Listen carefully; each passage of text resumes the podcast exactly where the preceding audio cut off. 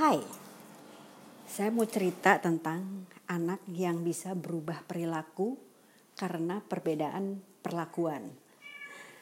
Tadinya saya pikir setiap anak itu pasti akan punya kelakuan atau perilaku yang nggak bisa berubah.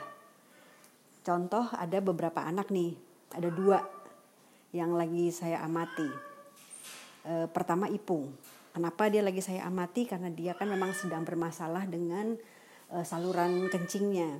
Jadi dia pernah, dia tuh emang kan sekarang ini sedang di treatment karena uh, uh, air seninya tuh berdarah dan dia sangat susah pipis. Terus kayak anyang-anyangan gitu loh apa yang kebelet pipis terus tapi pipisnya nggak keluar. Jadi dia dikasih makanan khusus terus dia dikasih obat. Nah karena dia lagi sakit sehingga dia jadi sering berinteraksi dengan kami, dengan saya dan Canga untuk uh, ya diobatin kan dan memang dapat perlakuan istimewa pada akhirnya. Misalnya dia lebih sering dipegang, lebih sering diajak ngomong, lebih sering dipeluk bahkan beberapa sudah beberapa kali dia pun akhirnya kami kalau tidur barengan sama kami. Nah, Ipung ini sebetulnya adalah anak yang suka iseng. Iseng dalam artian gini. Tadi itu kan dia letaknya atau dia pos area dia tuh di ruang tengah di bawah. Kalau dia lagi suntuk dia suka ganggu gangguin aja siapa gitu galak lah anaknya gitu. Nah tapi galak itu terjadi ketika dia mulai badannya nggak enak. Sebelumnya dia itu sangat keibuan padahal dia jantan. Dan dia memang baru ketahuan jenis kelaminnya belum lama ini gitu. Saking nggak kelihatannya gitu. Nah dia tuh ramah biasanya sama yang lain-lain gitu. Cenderung ngemong dan penuh kasih sayang gitu. Ketika badannya nggak enak dia mulai suka iseng galak-galak gitulah sama galak-galak nggak jelas gitu. Mendadak sontak galak marah-marahin orang marah-marahin anak-anak lain gitu.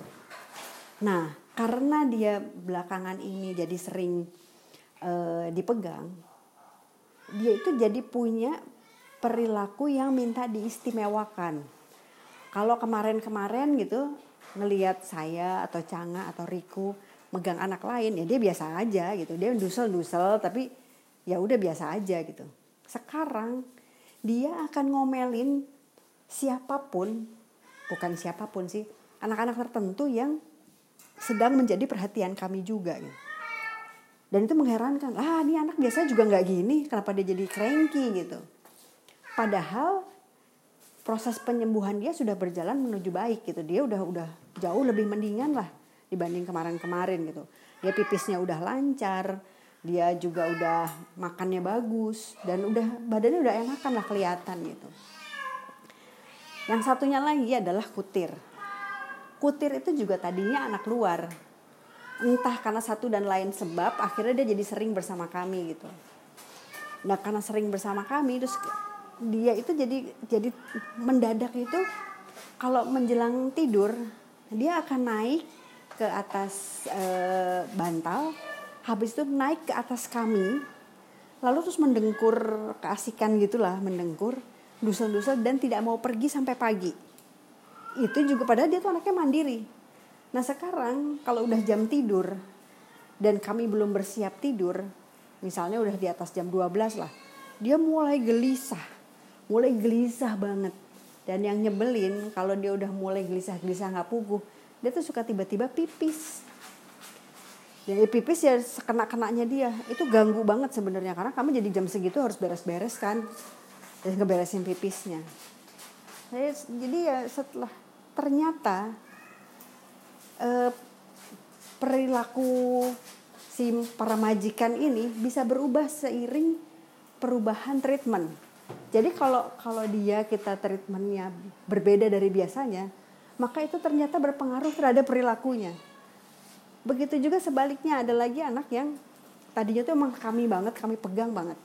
Habis itu perlahan-lahan mulai kami lepas, karena kan nggak mungkin ya semua-muanya dipegang. Kami lepas, eh ternyata bisa baik-baik aja. Ternyata bisa yang tadinya dia sangat sangat membutuhkan human, sekarang dia udah biasa aja.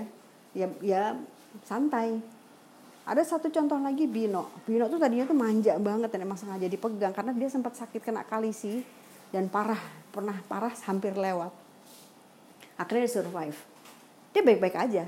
memang sih kalau misalnya kami nongol di ruang tengah gitu ya di bawah dia langsung gelisah tuh pengen pengen dusel ya tapi kalau kami nggak ada ya nggak ngotot juga gitu nggak nggak nggak kepengen juga gitu jadi akhirnya saya mikir-mikir gini eh sebetulnya ini juga berlaku untuk untuk manusia ya.